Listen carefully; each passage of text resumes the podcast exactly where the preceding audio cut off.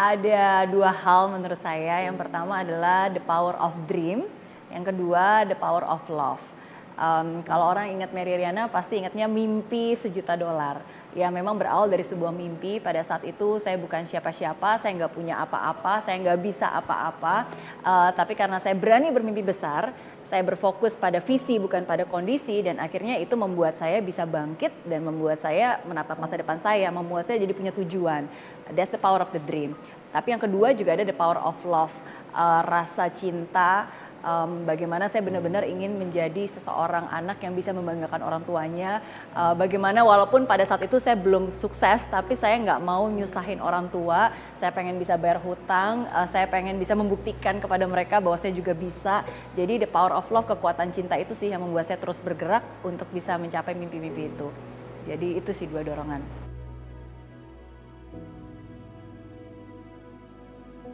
Pasti ada ya, maksudnya setiap orang kan pasti punya ujiannya masing-masing. Apa pun juga yang kita lakukan, pasti selalu ada orang-orang yang mungkin uh, merendahkan, meremehkan, menjatuhkan, atau mungkin berbuat jahat, itu pasti. Dan kita nggak bisa mengendalikan semua itu. Tapi satu hal yang selalu saya ingat, uh, kita tidak bisa mengendalikan orang ngomong apa, tapi kita bisa mengendalikan gitu. Jangan membiarkan itu masuk ke dalam pikiran dan hati kita. Jadi saya selalu membayangkan sama seperti uh, kalau kita lagi naik perahu, kadang-kadang um, kita berlayar di air yang sangat keruh dan sangat bau gitu, sangat tidak mengenakan.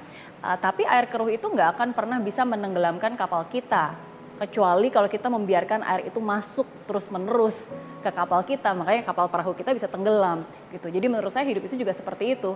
Uh, terserah orang mau ngomong apa, tapi yang paling penting kita tidak pernah membiarkan kata-kata negatif itu uh, menjatuhkan diri kita, apalagi menghancurkan harga diri kita, itu sih yang paling penting.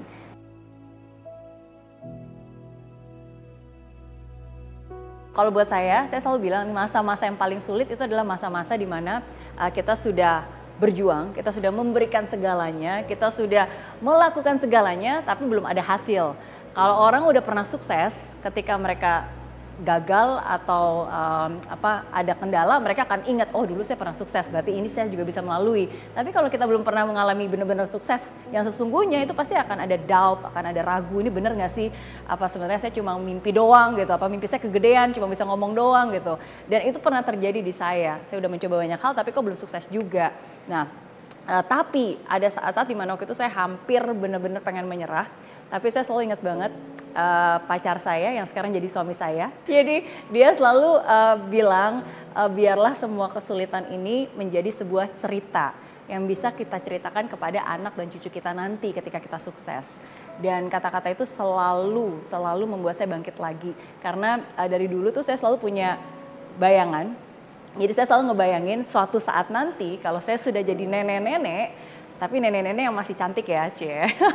Habis saya selalu ngebayangin suatu hari kalau saya udah jadi nenek-nenek, saya tuh pengen banget ngumpulin semua cucu-cucu saya. Terus saya pengen bilang ke mereka, tahu nggak sih kalian semua ya bisa menikmati kesuksesan ini karena nenek itu dulu tangguh, nenek nggak pernah menyerah, nenek selalu berjuang gitu.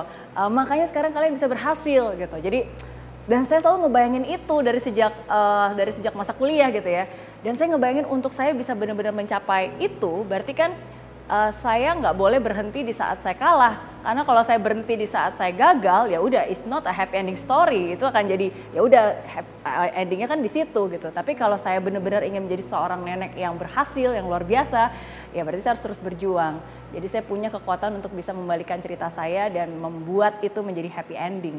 Jadi itu sih biasanya selalu saya bayangin satu saat nanti ini akan jadi sebuah cerita untuk anak cucu saya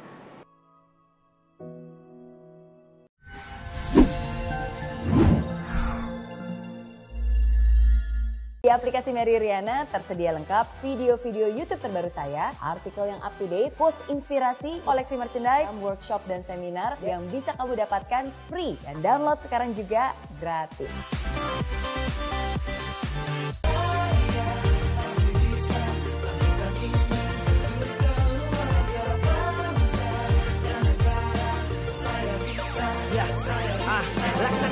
Tanpa hujan Hidup tanpa tujuan Kering dan mati tanpa hijaunya tumbuhan ah. Demikian kalau mimpi tak kunjung terjadi